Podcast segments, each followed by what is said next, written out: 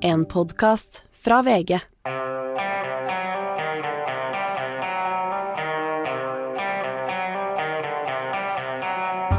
Ikke visste jeg at alle disse dagene som kom og gikk, de var ja, de var jo ikke egentlig Det er ikke egentlig på, øh, påsken ennå, Hanne. Jeg, jeg vokste opp med å tro at denne dagen het askeonsdag. Helt til jeg begynte i VG, så skrev jeg det en gang i VG, og da fikk jeg vite at dette er ikke askeonsdag. Og Fins askeonsdag, og hva heter i så fall denne onsdagen?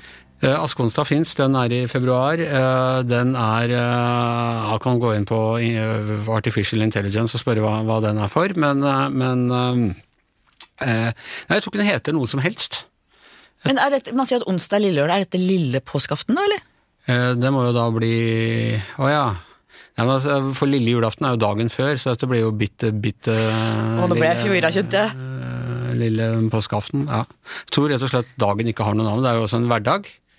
I motsetning til de andre helligdagene. Så, så jeg tror egentlig ikke at jeg tror egentlig ikke at den har noe navn. Men vi kan ha påskefølelse allikevel. Selma, hadde du perspektiver på dette? Ja, Er det ikke vanlig å dra litt tidlig hjem på onsdagen? Det er dra tidlig hjem onsdag. Ja, eh, og det liker jeg litt, for det er litt samme som eh, dagen før du går ut i sommerferie. Du har jo ikke egentlig noen kortere dag da, men fordi du skal gå ut i sommerferie dagen etterpå, Ja. slutter man ofte litt tidlig. Vi hadde en kollega som ofte dro et par dager tidlig når han skulle, skulle ha ferie. Og når han skulle ut på en utenlandstur. Ja. Eh, men i hvert fall, men nå, altså før var jo dette her i avisen var en av de få ordentlige ferietidene vi hadde. Fordi øh, det kom da altså ikke avis, øh, fersk avis fra, fra torsdag og fram til tirsdag igjen, faktisk. Så det var ikke noe å gjøre på jobben. Men etter at dette fordømrede internettet kom, så er det slutt på det. Ja, da er det slutt på det. Selma har jo aldri opplevd den virkeligheten, selvfølgelig. Nei. Og veldig mange har ikke det. Men vi gamliser, Anders, Vi gamliser som var der før reformasjonen, vi øh, hadde fri på alle helgendager og i det hele tatt fikk nesten ikke vært på jobb. Og før helligdagen, og det husker jeg satt i forhandlingsutvalget i VGs eh, klubb, VG-klubben, journalistklubben, hvor vi argumenterte veldig for at eh, det var en helt naturlig fridag som skulle regnes som fridag utenom ferie, dagen før helligdager. Ja. ja, altså For egentlig så var det jo da vi hadde fri, altså 16. mai, for det kom ikke noen avis på 17. mai. 17. mai måtte man jo jobbe for å lage til 18. mai. Det var argumentasjonen vår, bortsett fra at det var veldig få som jobba på 17. mai, for da var det bare de som virkelig hadde sånne helgevaktgreier som man fikk avspasere for, osv. Selma, du aner ikke ting var så mye bedre før. Men jeg opplever jo at eh, veldig mange av disse helligdagene og fridagene og sånn er for dere voksne som har barn og hus og opplegg, mens vi unge som kanskje fram til nå, da så har jeg vært mye vikar og sånn, jeg har liksom ikke hatt høstferie eller påske, de har bare sånn kommet litt sånn i veien. Nei, men når du blir gammel nok til å få store barn nå, så trenger du ikke å ta deg av dem engang. Så har du bare fri. Det er, uh, Perfekt. det er den rene gratisreisen. Ok, men altså, uh, ting var bedre før. Eh, Det er moralen i nesten Det hver er moralen episode. i eh, hver eneste episode. Eh, Men eh, det vi egentlig skulle snakke om i dag, det er egentlig en liten påske, hva skal jeg si, en påskeservice til våre lyttere med forskjellige tips om hvordan man kan få, for det må jeg altså si, påskedager kan være ganske lange, ganske kjedelige, særlig langfredag. Eh, Så her er en del forskjellige typer eh, tips, og vi starter med deg, Astrid, for du har gjort noe jeg har hatt på blokka lenge. Du har faktisk hørt hele den podkastserien om JK Rowling og hennes konflikter med eh, om eh, Hva kaller det? Konflikter om, eh, med transmiljøene? Ja, det er jo første gangen J.K. Rowling, Harry Potter-forfatteren, eh, snakka ut. Det har hun gjort i over flere episoder av mm, den podkasten som alle kan finne på der de hører podkast, som heter The Witch Trials of J.K. Rowling. Og den er laga av eh, en uh, podkastskaper med ganske interessant bakgrunn. Hun heter for eh, Megan Phelps Roper, og hun kommer fra et sånt eh, ekstremt kristenmiljø. En sekt som hun har eh, gått ut av. Og eh, hun har blitt journalist, og jeg tror hennes eh, oppdrag i livet nå framover er å prøve å finne ut hva for folk eh, mener det de mener, og føre eh, uenige folk sammen, nærmest. Men eh, la meg spørre, altså la oss eh, la, Spoiler alert. Eh, Viser det seg, er JK Rowling transfobisk, cis og terf? Og alle de andre stygge forkortelsene, eller er hun ikke det? Jeg tror de som hører på podkasten, vil få et eh, ganske godt inntrykk av henne. Hun framstår jo veldig sympatisk, empatisk, belest og har en veldig sånn akademisk tilnærming til hele debatten. Og sier at hun har satt seg inn i i ideologien, i translitteraturen, i sine meningsmotstanderes ståsted, og at hun eh, rett og slett har kommet fram til at eh, hun er nødt til å gjøre det her. Sjøl om det er eh, slitsomt for henne. Hun er nødt til å stå opp mot noe som hun ser på som en illiberal bevegelse, altså transaktivismen, som hun mener uh, trua ytringsfriheten til feminister, sånn som hun. da, Hun har jo en ganske spesiell bakgrunn. Hvorfor er så mange så sinte på henne? Ja, ja, nei, Det er jo alltid et godt spørsmål. Det er jo det her tvitringa hun begynte med i 2019. Uh, hun har vært veldig opptatt av at uh, transkvinner, altså uh, født som menn, biologisk sett, men kvinner, transkvinner, de bør ikke sone kvinnefengsel. De bør ikke holdes unna kvinnelige garderober, holde seg unna kvinneidretten. Eh, og hun syns òg at behandlinga, den medisinske behandlinga særlig barn, da, eller tenåringer som er transpersoner, er, kan være den største medisinske skandalen på, på mange tiår, mener hun.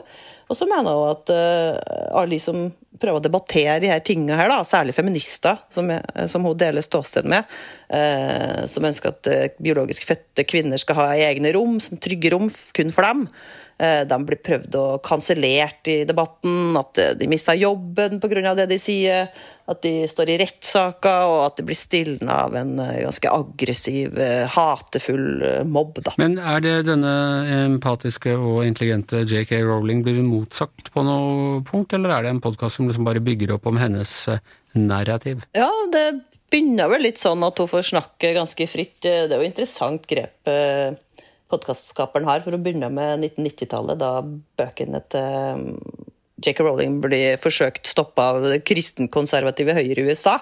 Eh, og nå er det altså da eh, transaktivister som tar avstand fra bøkene hennes. Til og med bibliotek biblioteket i Norge har det vært diskutert at eh, Harry Potter-bøkene bør tas ned fra, fra, hylla. Men etter hvert så får hun ganske I siste episode, i episode sju, så blir hun konfrontert med mange av eh, spørsmåla fra kritikerne.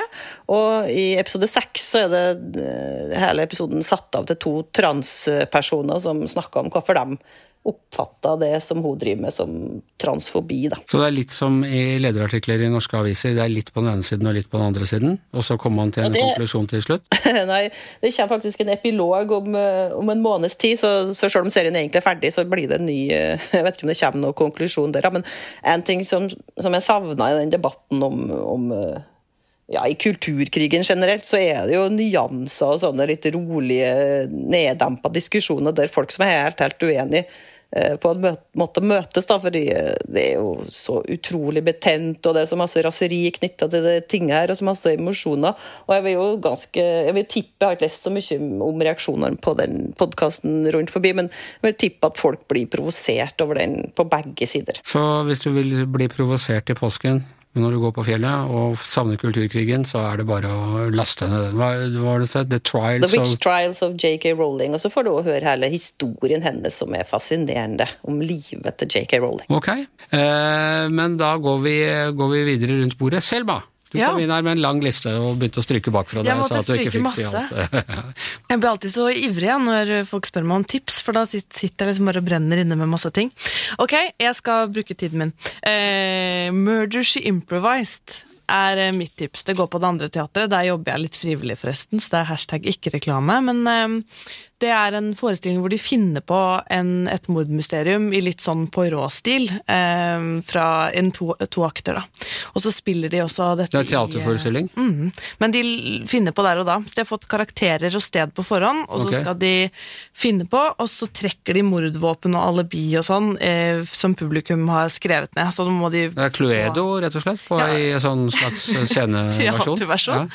Ja. Eh, så det kan man få med seg på det andre teateret i Oslo, da. Det er en av mine favoritter ja. påsketradisjoner. Du gjør det hvert år? Ja. Og det er ny morder hvert år? Ny mord, nytt sted, ny morder. Og alle kulissene er i papp, som jeg er veldig glad i. Ja.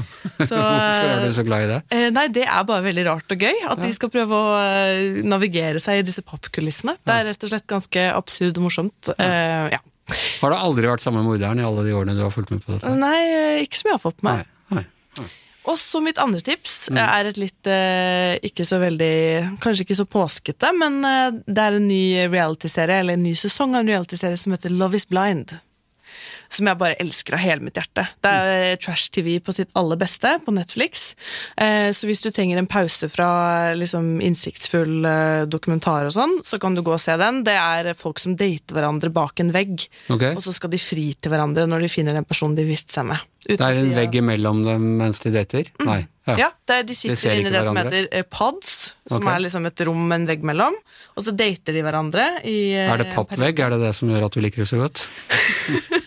Ja. Nei, jeg liker det så godt fordi det bare er veldig bra TV, da. Ja. Og så skal de fri til hverandre, da. De skal fri? De er nødt til å fri? nei, de er ikke nødt til å fri hvis de liker noen, da. Nei. Det er noen av disse folkene, eh, og da får de se hverandre for første gang. Okay. Og da kommer det liksom, da åpnes døra, så får de se hverandre. Hanne ser veldig skeptisk på meg. Nei, jeg fikk bare lyst til å se på det. du gjorde Ja, det veldig Ja, jeg- plutselig, for det var faktisk sånn Gerhard og Hanne møtte hverandre. For the record, vi møttes på nattklubben Smuget. Ok, ok, okay. Da, da, husket jeg feil. Eh, Men, eh, men eh, er, hvor, har, har den gått lenge nok til at vi kan si noe om disse ekteskapene, hvor lenge de varer? Og, Ja, for dette er jo tredje sesongen, og jeg tror ikke de varer så veldig mye, de ekteskapene. Altså. Eh, jeg tror, kan det er tredje, tredje år, og de fleste ekteskapene er over allerede. Ja, hvis det i det hele tatt skjer, da, for de drar jo på bryllupsreise, og så skjer bryllupet, og da, liksom, da sier de om de velger hverandre eller ikke, på alteret. Ja. Mens hele familien sitter og ser på, og da er det ofte sånn Du vet, det øyeblikket på Så jeg blander hele tiden sammen med hvordan dette var med Hanne og Gerhard. er Altså, men, Men ja, det er en anbefaling fra meg. Jeg, altså, jeg koser meg altså så veldig. ja, ja, men det hørtes ganske gøy ut. Jeg, jeg må si det. Kanskje, kanskje man kunne miksa dine to påskefavoritter sammen, så at de, disse parene skal drepe hverandre og gjette hvem som drepte hvem etter, helt til slutt? Ja, det var jo en Med kjempeidé. papp, pappvåpen. Det må vi jo selge inn som en idé, Anders. Får jeg komme med min anbefaling da? For jeg tenker at Egentlig burde jeg anbefalt folk å gå på Smuget, men det fins jo ikke lenger. Nei. Men gå på en annen nattklubb og finn en kjæreste. Ja. Er det din anbefaling? Nei, det er ikke det. Jeg bare steikte den inn nå. Nei. Men hva, hva anbefaler du folk å få med seg? Hvis jeg får til to ting eh, Jeg har vel lett veldig etter en sånn eh, familiesamlende serie som vi alle kunne se på hjemme. Og da var det Gjermund Stenberg Eriksen som anbefalte meg Ted Lasso, som jeg skjønner at veldig mange rundt meg har sett. Kona mi er veldig glad i den. Men vi har bincha nå et par dager Ja. og er ferdig med sesong én og gleder oss til fortsettelsen. Feel good, og nå er jo kommet er tredje sesong er i, er i gang nå. Og så kommer vi snart fjerde, tror jeg. blir ikke gæren av han der Ted Lasso. Jeg får lyst til å gi han kokos, jeg, som jeg innrømmer etter å ha sett på i 20 minutter. Nei, jeg syns han er litt søt. Ja, han er jo det. Ja, er Han er jo det. Ja. Og det andre, når man har god tid, og nå får jeg lov til å skryte litt, da. Ja. For jeg har nemlig i veldig mange ganger prøvd meg på surdeig, og Ja. ikke klart. Og så fikk jeg en sånn mordeig av en jeg kjenner. Og så klarte jeg for første gang nå i går å lage kanelboller på surdeig, som var helt fantastisk gode. Så jeg vil anbefale Ikke sure i det hele tatt. ikke sure i det hele tatt. Og i påsken har man god tid. Dette tar lang tid. Skaff deg en surdeig, og bak nydelig brød og boller i påsken. Kan jeg bare spørre, for en som bare kjøper alle brødene sine på Rema 1000, hva er en mordeig? Det er den surdeigen som du må dyrke og mate og er som, eh, aktivere på benken i god tid og passe på er at som flyter. kunstig og- ja. intelligens. Du driver og pleier den og holder på og tror at alt bare er hyggelig, men så en dag har den overtatt hele universet. Og en som sa til meg at det er nesten verre enn å gi folk en gullfisk og gi dem en sånn mordeig, for du må jo holde den i live. Og det er litt stress, men det er veldig kult. Det er som å ha en Tamagotchi. Nei, det er Ja. for ungt til å huske. Skal man begynne med Nei, det er ikke. Jeg hadde så Altså, jeg hadde Tamagotchi. Du hadde Tamagotchi. Ja, ja, Okay, Det er som å ha en Tamagotchi som du kan spise opp, eh, og som får barn du kan spise. Du, Leif, jeg går rett videre til deg for å spørre da, for altså Ted Lasso, det glemte vi kanskje å nevne, det er jo en serie om en eh, amerikansk, han er vel egentlig noe baseballtrener eller noe sånt? American football. American football, som eh, kommer for å trene da soccer-team i England. Har du sett den? Nei, Det står på listen over serier jeg skal ha sett, så jeg har faktisk ikke fått sett den ennå. Jeg må bli ferdig med Last of Us og Suksessen først, og så er Ted Lasso neste. Det er liksom prioriteringsrekkefølgen. Ja, ta zombiefilmene først, og så se om det er noen igjen til slutt å se på. Hva har du som eh, påsketips til våre lyttere? Jo, jeg tenker jo egentlig to ting. Altså Før man skal se på serier, så er det noe eh, som er veldig spesifikt for påsken, og det er jo krim. Og for meg er veldig britisk krim. Og jeg begynte å se på en i går som heter Karen Peary. Som med litt kult at det er en ung kvinnelig eh, etterforsker. Som handler, altså En handling i St. Andrews i Skottland og et gammelt uoppklart drap, hvor det plutselig dukker opp en podkast som begynner å gå ettergå dette, og politiet får dårlig samvittighet for at de ikke har sett på saken, og setter vel da den minst rutinerte etterforskeren eh, i gang og undervurderer vel henne litt. Og nå er det altså, en gammel historie i ferd med å rulles opp, og nye elementer kommer inn. Klassisk god britisk eh, krim. Leif, kan jeg spørre om en ting? Ja. Er hun gravid, hun unge etterforskeren? Fordi det er en ting jeg har lagt merke til, at hvis det er en kvinnelig krimetterforsker, så er hun alltid gravid. Altså, nå har ikke, den er liksom delt i tre av halvannen time. og Den, jeg har begynt, og så langt er det ingen tegn i, i den retning. Men får, jeg har ikke kommet langt nok til at jeg kan si om vi får den tvisten etter hvert. Jeg har alltid lurt litt på hvorfor det. Er det fordi det skal være mer spe... Altså, for det er alltid sånn, det barnet har heller ingen funksjon i krimmen. Det er bare sånn hun er både politi og kvinne og gravid. Aldri barnet som er morderen, det. Nei, det er Nei, men Virker som en ganske vanlig ung kvinne som er egentlig først og fremst politietterforsker. og Så får vi se, vi får se hvor, det da, hvor, det tar oss heretter. Jeg har akkurat lest en bok av den forfatteren, eh, Val McDermid, eh, som er jeg tror den mest kjente boka hennes, som heter eh, The Mermaid Singing. Og den hadde ikke passert sensitivitetskontrolllesinga i dag. Det, jeg, det, er det eneste jeg vil si om den boka. Men ja, du hadde et tips til, eh, Leif? Jeg så mener jeg at påsken er den ultimate uh, tid for å være hjemme og få ting gjort. Altså Litt avhengig av hvor man holder til, og så videre, men altså uavhengig av hvor mange tommeltotter man har. Og så videre, og Særlig hvis man har mange av dem, som jeg har, så er det å ha litt tid til å sette opp trampoline og klippe hekk og male noe greier på terrassen osv.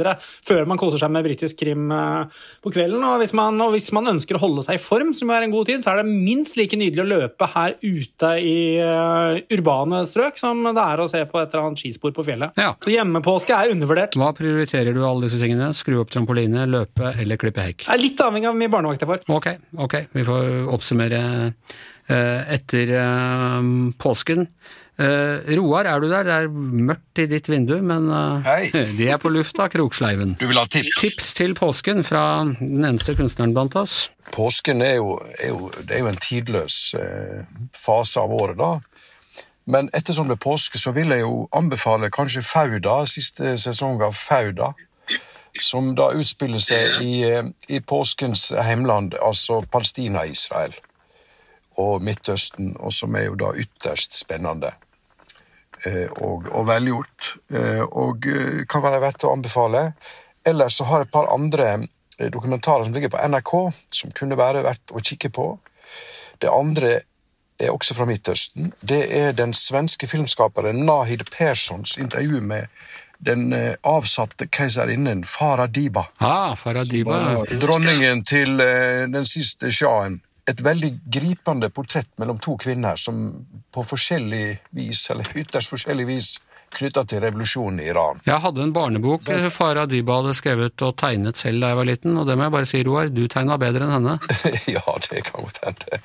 Og så har vi det siste dødsdømte som går på NRK. Nå kan det være litt dystert for påsken, kanskje, men det er en, en svært interessant og, og tankevekkende serie, dokumentarserie om Eh, de som måtte bøte med livet etter krigen. Og selv om du har kommet med mange tips her, skal du få lov til å komme med et litt personlig tips også, Roar? Ja, jeg, har jo, jeg må jo si at det eh, litt, litt, eh, litt flau å si det, men 'Krigsseileren' som serie på Netflix fortjener virkelig all oppmerksomhet, altså.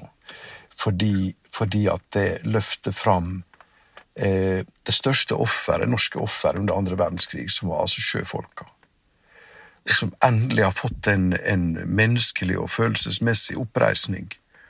Vi vet hvor lang tid det tok med, med staten, men her får du altså mennesker, eh, og også de hjemme, som satt hjemme og venta i fem år. Hvor staten bare tok fem år av livet deres uten å komme med, med pensjon eller lønn. Eh, det er hjerteskjærende, men det var på høy tid, altså. Virkelig. Og når jeg måtte presse Roar litt for å si det, så er det fordi det er hans sønn er en av de sentrale hovedrollene, Pål Sverre Hagen, en av våre aller, aller, aller beste mannlige skuespillere. Så, Som spiller utrolig godt også i den ja. Eh, filmen. Supert, tusen takk skal du ha. Uh, og så din nabo på Ja, nabo, er dere naboer? Regner alle som bor på Nesodden, er de naboer, Hans Petter? Nei. Nei. Så det, du, du og Roar er ikke naboer? Veldig langt, langt imellom der. vet du. Det er hele vel en sånn sju-åtte kilometer. Det. Ja, ja. det er som fra der du bor, eh, Anders, opp til der Hanne bor. Men jeg regna han også som, om ikke min nærmeste nabo, så er han jo en nabo. Vi er jo nabolaget Oslo. Nabolaget Oslo. Og i og med at jeg kommer fra Ås, det er jo nabokommune til Nesodden, så jeg ville sagt nabo. Altså. Ok. Nabo, Roar, meg, vi er naboer. Men uh, har du gode nabo, har du noen, uh, har du noen tips? Du, i, i, påska så må alle sammen se på det. Det er bare én serie som er verdt å se på ordentlig i påska. Det er den svenske 'Hendelser ved vann'. da som er, er, bygd over romanen, den berømte romanen til Kjerstin Ekman, 'Hendelse vann', som kom på, på 90-tallet. Vant masse priser. Regnes som en av de største romanene som er skrevet i moderne tid i Norden. Den er blitt mange som har ønska filmatisere den lenge, men nå har altså de eh, gjort laga en, eh, en serie da, på SVT som er, er altså oppsiktsvekkende bra. og, og den handler om eh, 70- 1970-tallet. Jeg er jo også veldig interessert i 1970-tallet sjøl, for jeg har skrevet en del om, om radikale bevegelser på 70-tallet. og Det, altså, handler den boka litt og den, den serien om da, et kollektiv oppe i skauen oppe ved grensa. eh, Oppe, ikke så langt unna Trøndelag, faktisk. Trondheim nevnes en del i den serien og de bøkene. Anbefaler veldig den. Eh, Hendelser og vann går eh, på NRK nå. Ligger i appen der. Gå inn der og se den. Det er helt eh, top notch underholdning. Kjempebra. Dybde, spennende, gode skuespillere. Ja. Og så skal jeg anbefale noe som jeg ikke har lest ennå. Det er en roman, og den heter eh, Du er bonde. Var ikke det en sexy tittel? Jeg synes det var en påstand mer enn en romantittel. Ja, det er en, en, en forfatter som heter for eh, Kristin Auestad Danielsen. Og det er veldig, veldig slått av veldig, eh, Får lyst til å lese den jeg leser det som står på baksida, nemlig at 'Du er bonde', da, som er tittelen på den boka, det er en fabel om arv, plikt og seksualitet i det moderne landbruket. Ja. ok. det er den beste taglinen jeg har hørt. Og det er en god bok, altså. Det vet jeg ikke ennå, for jeg har ikke begynt å lese den. Jeg Du skal gjennom den. Det, men det, er- det er mitt eh, påskeprosjekt, da, fordi vi skal i den uh, veldig omtalte lesesirkelen som er en del av den. Vi skal ha den som bok da, eh, rett over påske. Og anbefalt av uh, lesesirkelbror Jan Zahl borte i Stavanger, som jo også har en podkast som vi bør høre på. Eh, så det gleder, gleder meg til å lese 'Du er bonde'. Det får vi se etterpå om jeg liker den eller ikke. da. Og den sitter du og skal lese i påskeskogen på Toten. Ja. Siden Roar fikk være litt uh, privat, på, kan, jeg, kan jeg bare komme med et lite privat tips, jeg også. Ok. Og det har jeg lyst til å gjøre bare for, å, for at jeg mener at det er fortjent. Og det er Uh, Siden jeg er trønder og ikke er så glad i, egentlig i trøndermusikk, så vil jeg bare, men jeg vil, er noen trøndermusikk, noe trøndermusikk jeg liker veldig godt. Og det er en artist som heter for Gisle Aarlot, som er, har levert sin tredje soloplate, volum tre. Eh, kom ut nå nylig. Eh, masse fine sanger, veldig komplisert musikk, masse rare akkorder, eh, men også litt folkelig og sånn allsangvennlig. Så jeg anbefaler plata hans. Og grunnen til at det er privat, er at Gisle Aarlot er min onkel, og i oppveksten så kalte han for min storebror. Han er ti år eldre enn meg. Ok. Eh, har alle onkler og tanter og sønner og døtre nå fått eh, blitt presentert? Hanne, hadde du noe mer? Jeg bare hadde en assosiasjon til den 'Du er bonde'. For den, eh, En av de som inspirerte nei-sida i AUF veldig, var en som het Hartvig Sætra. Og han hadde gitt ut en bok som het 'Jamvektssamfunnet er ikke noe urteteselskap'. Nei. Ja, Og det tenker jeg ligner litt på den der baksida på den boka til Hans Hans ja, ja, ja. Hartvig Sætra husker jeg godt. Ja, jeg sitter bare og er sur fordi at Roar og Hans Petter fikk lov til å si så mange, og jeg måtte stryke all lista mi. En kjapp til. Ok, eh, Min absolutt favorittpodkast noensinne. Den kom ut i 2020, da, men jeg tror det er mange som ikke har hørt den. Og jeg syns påske er til for podkast. Det handler om eh, Dying for sex, heter den. Og det handler om en eh, kvinne som får beskjed om at hun Hun har udød, Altså, hun kommer til å dø. Så hun går fra mannen sin, og så er det samtale med henne og venninnen om da det, sexlivet hennes. Og det høres veldig fjåsete ut, men den er helt fantastisk. Så det er en eh, ekte historie som alle burde høre på. Det er viktig å få oppsummert sexlivet sitt før man vandrer. Det er, eh, det er sikkert og visst. Man kan jo også starte en blogg eller en podkast.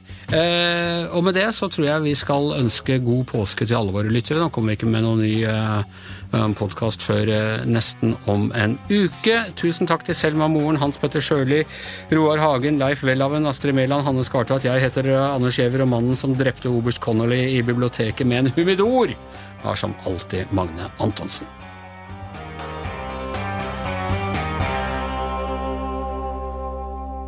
Du har hørt en podkast fra VG. Ansvarlig redaktør, Gard Steiro.